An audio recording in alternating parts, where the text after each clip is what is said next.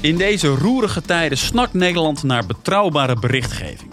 Maar er is goed nieuws, want de redactie van De Speld heeft eindelijk de inloggegevens van hun Spotify-account teruggevonden en komen nu met een eigen podcast.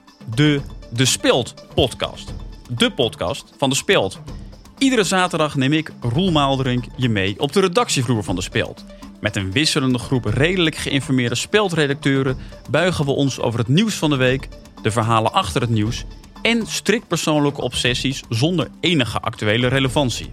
We hebben het over vetshaming van pasgeboren kinderen. En als jij gaat zeggen van, oh, we hebben een hele flinke meid en ze is 7 pond, 8 pond en jij deelt dat gewoon met iedereen, dan stuur je zo'n kind de wereld in met een bepaalde boodschap van het gaat alleen maar om jouw lichaam dat vol is en flink. De mogelijkheid van een premier met een vulva. Heel veel mensen staan daar heel anders in. Die zeggen, ja, ik, ik zie geen uh, vagina. Hè? En je ziet het ook niet altijd van, uh, van de buitenkant. Nee.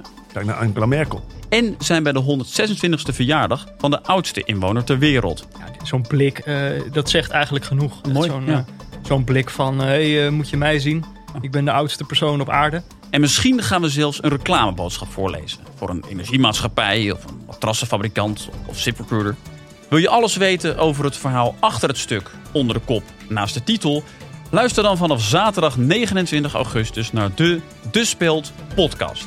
Via jouw favoriete podcastleverancier. De De Speelt podcast is een podcastproductie van de De De Speelt podcast podcastproducties.